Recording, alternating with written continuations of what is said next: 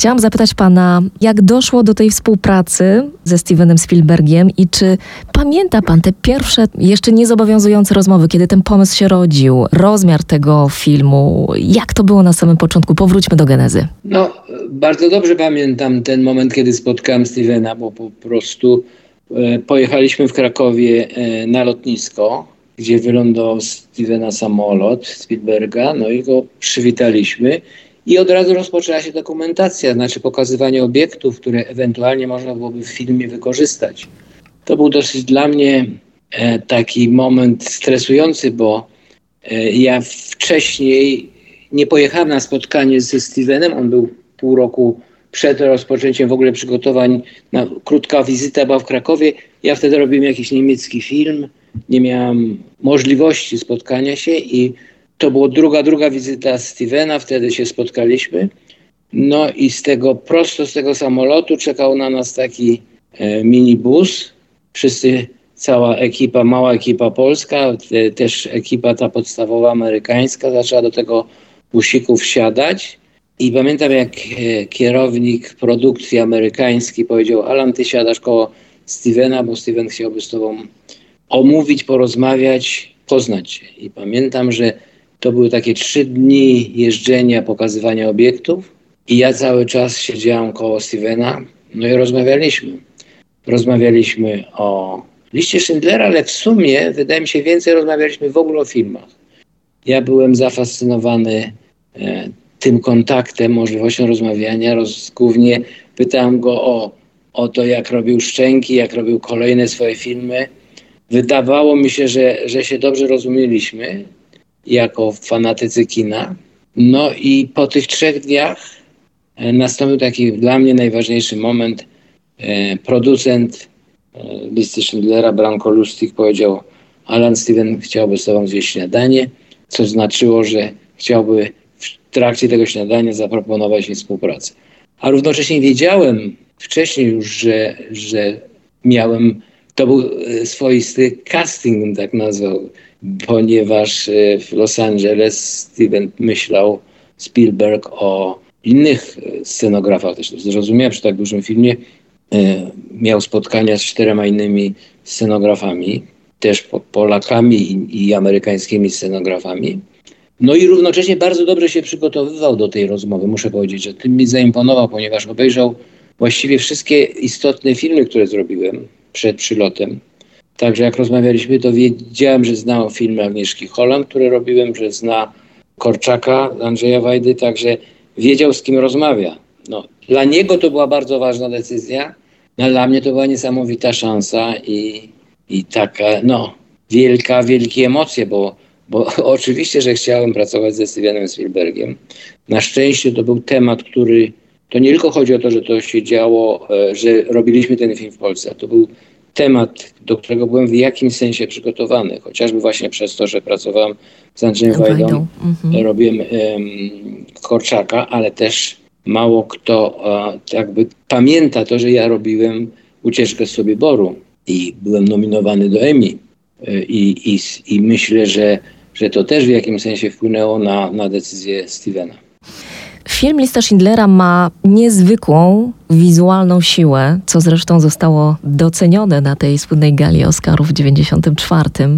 I na tą siłę wizualną pracowała cała ekipa, ale pana praca i również dekoratora wnętrz tego planu filmowego najbardziej bezpośrednio uderza w nas widzów. I chciałam pana o to zapytać, jak buduje się tak sugestywny świat czasów, których się tak no, dobrze nie zna i nie pamięta, jak wiele wymaga to wiedzy, pracy archiwistycznej, archeologicznej. Ja powiem, że to był na tyle duży film, że to było trzech dekoratorów wnętrz, którzy przygotowywali ten film. A jak się to robi? No trzeba się bardzo dobrze, bardzo porządnie e, przygotować do tego. Ja, by, ja zresztą do każdego filmu się przygotowuję niesłychanie e, intensywnie. Wtedy o tyle było to trudniejsze w tych czasach, że nie, nie istniały jeszcze te wszystkie e, systemy wyszukiwania wiadomości przez platformy i przy użyciu komputera. To były po prostu wielokrotne wizyty w muzeach, instytutach badawczych, gromadzenie e, zdjęć, gromadzenie przekazów, wspomnień ludzi. Także to to jest naprawdę wielka, wielka praca, ponieważ mój system pracy z reżyserami polega na tym, że ja nie tylko słucham tego, co oni chcą zrobić w filmie, ale też proponuję im jakieś pomysły, do których sam e, dotarłem.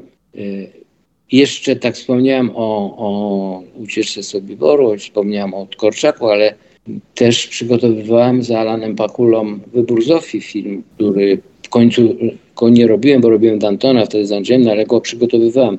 Także ja od, mogę powiedzieć, że byłem dosyć dobrze przygotowany do tego filmu, ale oczywiście najważniejsze są rozmowy z reżyserem, szukanie obiektów, zastanawianie się, jak można zrealizować te pomysły, bo jedno to zgromadzenie dużej wiedzy, ale drugie to jest cały system filmowy, to znaczy wymyślenie, gdzie te pomysły teraz będziemy realizowali, jak dużo będziemy dekoracji budowali, ile te dekoracje będą kosztowały, jaki jest potrzebny czas do wybudowania dekoracji. To jest naprawdę w momencie podjęcia decyzji o realizacji takiego filmu włącza się olbrzymia cała, cały system produkcji, który jest naprawdę dosyć skomplikowany, dlatego wydaje mi się, że ten, ten tytuł, który, który ja mam w produkcjach e, amerykańskich, production designer jest usprawiedliwiony, bo oczywiście art dyrektor jest dużo ładniejszym e, tytułem.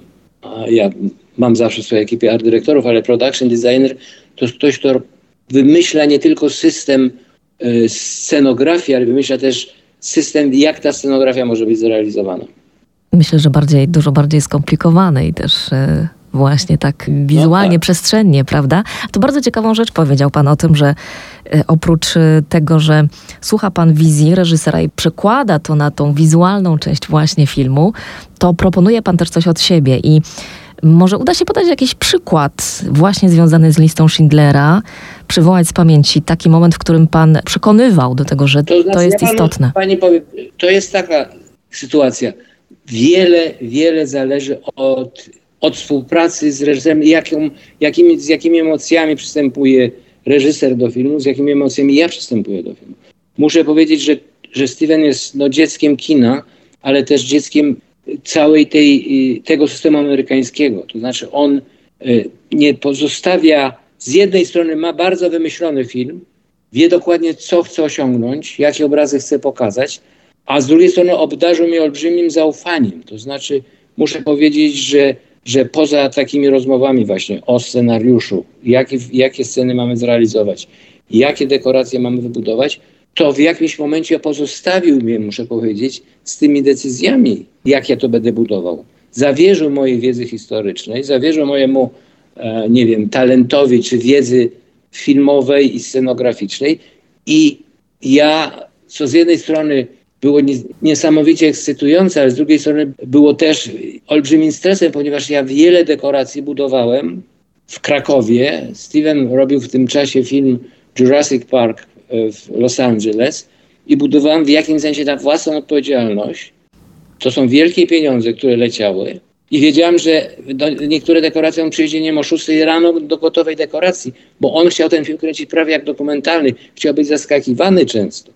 Oczywiście jedna wielka dekoracja, to trzeba powiedzieć, jedna wielka dekoracja, czyli obóz w Płaszowie, to ja zbudowałem bardzo dokładną makietę, olbrzymią zresztą, którą podzieliliśmy na części, bo nie mieściła się do żadnego samolotu i poleciałem z tą makietą do Los Angeles i pokazałem Stevenowi.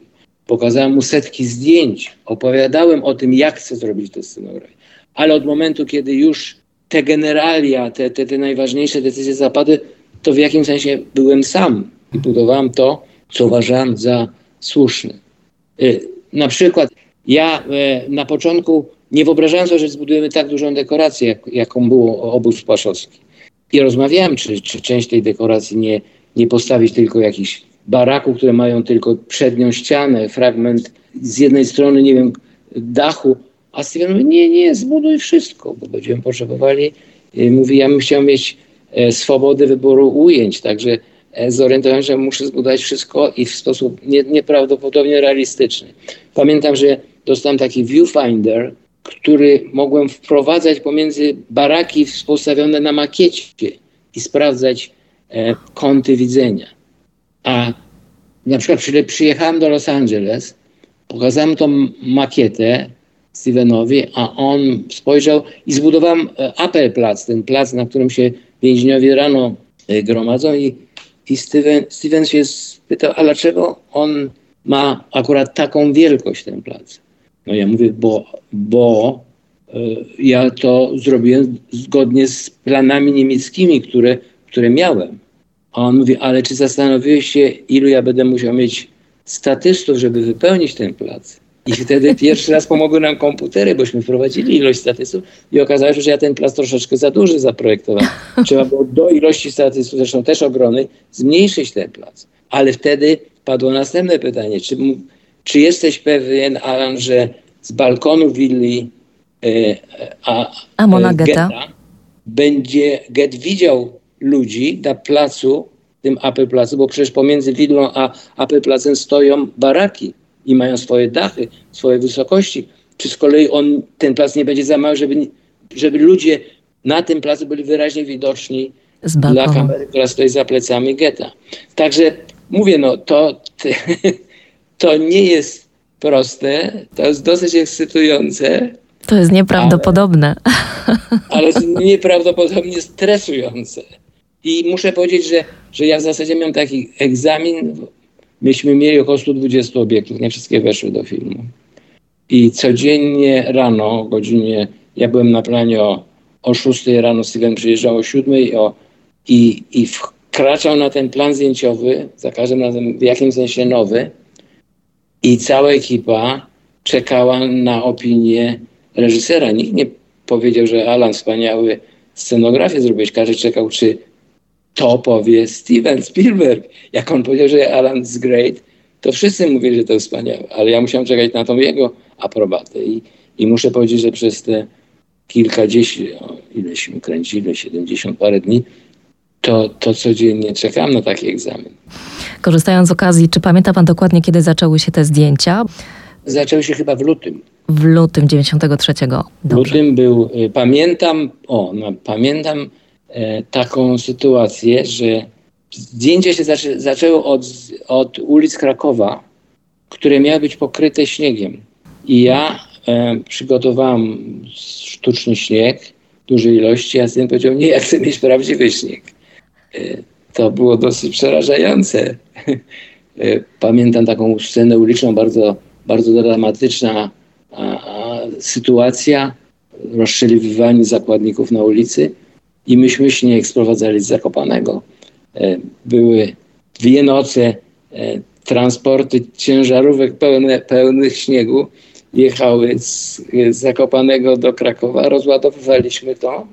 No, to było, było zimniej niż w całym Krakowie, ponieważ ten śnieg tak ją wychłodził. A później kręciliśmy e, sceny w, w Auschwitz w Oświęcimiu i też miał być prawdziwy śnieg. I wtedy ten śnieg naprawdę spadł. Także czasem trzeba mieć też trochę szczęścia. Tak, to się sprawdza w tych moich wszystkich rozmowach z twórcami, współtwórcami, mhm. obsadą, która jednak mówiła, że, no. że każdy z nich miał odrobinę szczęścia, będąc wybranym w castingu no do tak, tych ról. No. Ja mm. pamiętam na, naszą pierwszą wizytę moją Stevena w piwnicy pod Baranami. Słyszałam o niej. Producentem, z Lwem Rywinem, producentem filmu, kierow... już nie pamiętam kto, jeszcze był producent amerykański na taką półprywatną y, chcieliśmy pokazać to, co jest najlepsze w Krakowie, prawda? Stevenowi, a on od razu myślał o filmie.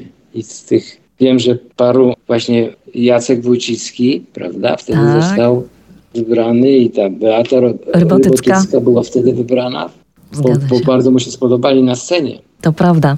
Chciałam zapytać jeszcze o takie szczegóły interesujące właśnie z perspektywy widza.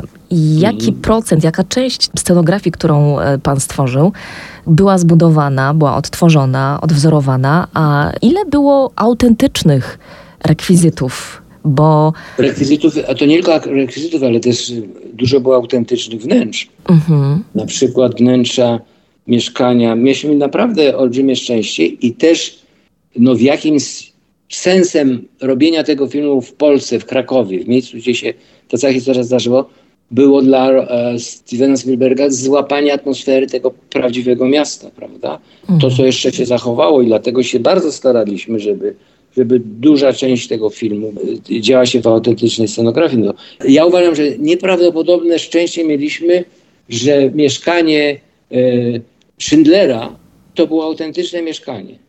Wszystko było jak najgorzej, z, patrząc na to od strony realizacji, ponieważ to mieszkanie było na ostatnim piętrze kamienicy takiej y, z lat, początku z lat dwudziestych i dla ekipy, która musi wznosić lampy, sprzęt, to jest koszmar, ale z drugiej strony świadomość, że kręcimy w prawdziwym mieszkaniu. Oczywiście ono wymagało olbrzymich przygotowań, ale było prawdziwe.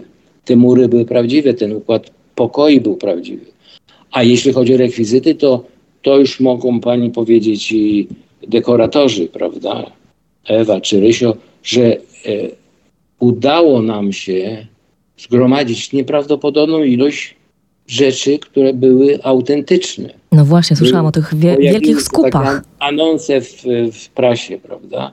Były tak zwane skupy i ludzie, naprawdę był taki no feedback, taki odzew ludzi był niesamowity, bo wyciągali z tych swoich zakamarków kamienic krakowskich, ze strychów, jakieś autentyczne e, Ausweisy z okresu wojny, mm, kenkarty, jakieś dokumenty, Y, oczywiście stare walizki, no wszystko, co było mnóstwo autentycznych rzeczy w tym filmie. Mhm. Maszyny do szycia, w te, ta wielka scena e, w szwalni, to wszystko, wszystko to było zgromadzone. Ja muszę powiedzieć, że ja później robiłem jeszcze parę du takich dużych filmów wojennych, chociażby też pianistę, jeszcze następne. To często, już w Niemczech na przykład robiłem jakieś filmy, to, to często myśmy po prostu brali to z magazynów y, filmowych, te, te, te, te rekwizyty. Krakowie to nie, nie było takiej możliwości, ale za to była cudowne zaplecze ludzi, którzy pamiętali tą historię, którzy pamiętali albo mieli wojenne rzeczy. Zresztą scenariusz to jest nieprawdopodobne, że w filmie amerykańskim, w którym na ogół scenariusz jest taką rodzajem Biblii, właściwie bardzo trudno go zmieniać, już szczególnie w, już w ostatniej chwili albo w trakcie zdjęć, to w liście Schindlera ten scenariusz ulegał ciągłym zmianom, ponieważ y, Steven słuchał ludzi, którzy przychodzili, którzy opowiadali nowe historie. I Steven Zillian z kolei, wspaniały y, scenarzysta i teraz też dobry, świetny reżyser, on przylatywał do Krakowa i ciągle wprowadzał nowe sceny. A ja te nowe sceny z nowymi kolorowymi kartkami wkładałem do scenariusza. Także już później zabrakło nam kolorów, bo, bo taki jest system amerykański, jak jest nowa scena, żeby od nowa nie trzeba było czytać całego scenariusza, wkłada się kolor, jest zawiadomienie, że ta scena została zmieniona na kolor różowy albo żółty. Ja już nie miałam koloru, bo tyle się to zmieniło. To był niesamowita historia, naprawdę. No właśnie. Widzę z jaką ogromną takim zaangażowaniem, też emocjonalnym opowiadają mi współtwórcy tego filmu po tylu latach. Przecież to był początek Janusza Kamińskiego, początek pracy z ze Stevenem, który teraz jest jego ukochanym operatorem, prawda? A, ale wtedy to były też dla niego nieprawdopodobne emocje. Co się dzieje z tak potężną scenografią po zakończeniu zdjęć? Bo część tej scenografii jest nadal w Krakowie, została. I ktoś, kto nie zna tej historii, myśli, że to prawdziwe, prawdziwe no niewiele elementy. Zostało. Nie, to akurat więcej zostało. Wie pani, ja teraz robiłem film z Pasikowskim pokłosie, nie teraz, ale parę lat temu. I prosiłem swoich asystentów, żeby poszukali. Tam jest historia drogi z płyt, z Macew. I żeby poszukali prawdziwych zdjęć w, w internecie, właśnie, jako referencję, żeby zrozumieli, jak to wyglądało. I, I bardzo podekscytowani przynieśli mi takie zdjęcie zarośniętej krzakami drogi. Mówią, żeśmy coś znaleźli dobrego. A to jest właśnie droga, która została w Płaszowie. Po scenografii. Znaczy, po, po naszej dekoracji. To nie był Płaszów, to był innym miejscu, ale ona została. Natomiast nie, dekoracja została rozebrana. No chociażby ze względów przeciwpożarowych. Nigdy nie miałam okazji rozmawiać z panem wcześniej, ale być może ma pan takie swoje małe zwyczaje, tradycje. Udaje się czasem panu coś zastawić na pamiątkę, jakiś drobiazg z takiego planu scenograficznego? Nie. Ja nie mam, to znaczy wszyscy są rozczarowani. Ja nie mam w domu, mam zdjęcia, mam album, który dostałem, nie wiem, od, od Stevena ze wspaniałymi zdjęciami, a ja nie gromadzę w domu. Nie, to nie, mój dom nie jest miejscem, gdzie zbieram rekwizyty, ponieważ te rekwizyty chciałbym, żeby grały w następnych filmach na ogół. Raczej się martwię, że te magazyny nie są na takim poziomie, jak ja bym sobie wyobrażał, żeby to zachować. Nie, ja w domu, ja w domu nie trzymam rekwizytów.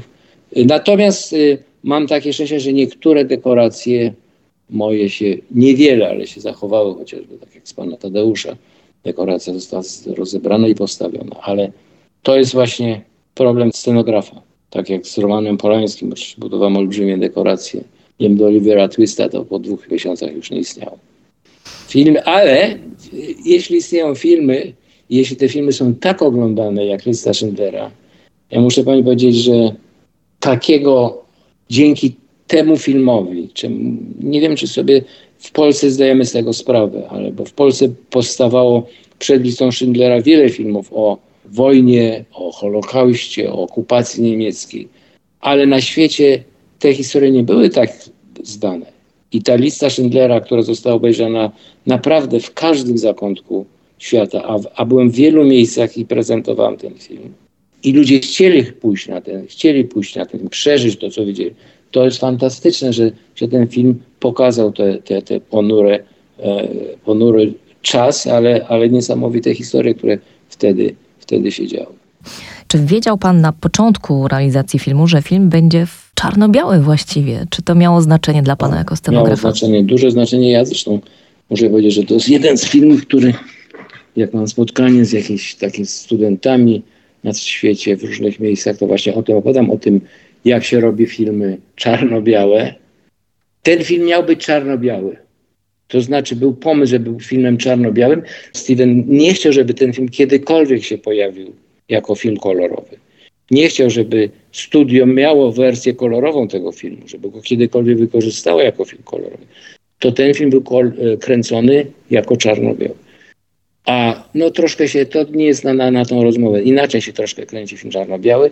Na szczęście ja przez to, że właśnie robiłem Korczaka, który też był czarno-biały, e, to miałem doświadczenie, jak trzeba wykorzystywać kolory, faktury, żeby te kolory nie zlewały się, żeby kolor czerwony nie zlewał się z kolorem czarnym i tak dalej, tak to by, musielibyśmy o tym osobno porozmawiać. Chciałam zapytać pana jeszcze o taką bliską współpracę z reżyserem. Więź i ta linia pracy przy filmie no, jest nieprawdopodobnie istotna, z tego co teraz już słyszę, rozumiem, jak to wygląda, to przekładanie wizji reżysera na na coś, co my możemy potem zobaczyć w kinie rzeczywiście. I moje pytanie dotyczy tego, czy pamięta pan jakąś taką żywą dyskusję, gdzie trzeba było albo Stevena Spielberga namówić do czegoś, przekonać, albo właśnie powiedzieć, że to jest ważne, że to powinno być w tym filmie, albo czy były jakieś dyskusje na temat jakiejś symboliki w tym filmie, bo tam jest bardzo e, dużo. No, znaczy, wie pani, to jednak jest troszeczkę inaczej, jak ja rozmawiałam z Andrzejem Wajdą, a troszkę, z którym byłem zaprzyjaźniony, mieliśmy jakby te same artystyczne e, emocje związane z, z tą przestrzenią scenograficzną, a co innego rozmawiać no, z taką gwiazdą jak Steven. Ja muszę powiedzieć, że mnie akurat się udało dosyć być blisko ze Stevenem, ale starałem się, znaczy ja staram się zawsze w jakieś swoje wprowadzić pomysły i czekać na akceptację e, reżysera, ale szczerze powiem, akurat w tym filmie nie, ponieważ Steven naprawdę wiedział, jak ten film chce zrobić, jakie emocje chce pokazać. I oczywiście to są technikalia, jak, które możemy podsuwać reżyserowi, jak to zrobić. Jak, nie wiem, ja, jest taka scena balu Amonget robi w swojej willi i tą willę wnętrze, ja zbudowałem studio w Krakowie, w wielkim studiu telewizyjnym, ale balkon tej willi, oczywiście ta willa stała. Stoi do dziś.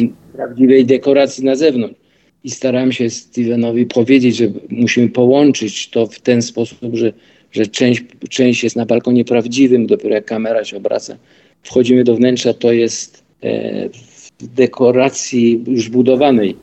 No, to też trudno to wytłumaczyć, ale te łączenie takich obiektów to to, co często się robi w filmach europejskich, żeby zaoszczędzić jakieś pieniądze, E, a Steven jest przygotowany, jak coś się zbuduje, to trzeba tak zbudować, żeby można było kręcić i, i w tą, i w tą, czy może zbudować jakąś makietę obocną. No, parę razy starałem się nie to, że uprościć, ale zrobić możliwymi sceny w polskich warunkach, bo chciałbym, żeby pani sobie też zdała sprawę, żeby słuchacze sobie zdali sprawę, że to był film nieprawdopodobnej dla nas skali e, trudności, bo wielkość tego filmu była naprawdę na te możliwości, które wtedy mieliśmy, e, naprawdę olbrzymia. Chociaż polskie kino w okresie, kiedy było, robiło, nie wiem, popioły, Ziemię Obiecaną, to potrafiliśmy w polskim filmie, czy moi starsi koledzy wtedy potrafili budować wielkie dekoracje, ale później nastąpił pewien regres. Powstało kino niepokoju moralnego, powstały filmy dużo skromniejsze i nagle przyjechała olbrzymia ekipa, dołączyła do niej polska ekipa, dołączyła do niej chorwacka ekipa i nagle mieliśmy wyprodukować tej skali film. To też było e, pewnym wyczynem, chociaż dosyć zabawne, ponieważ jak ja później pojechałem do Los Angeles, jak Steven kręcił następny Jurassic Park, to Steven powiedział do mnie, pokażę ci jak się kręci naprawdę duży film. Lista Schindlera była tym największym.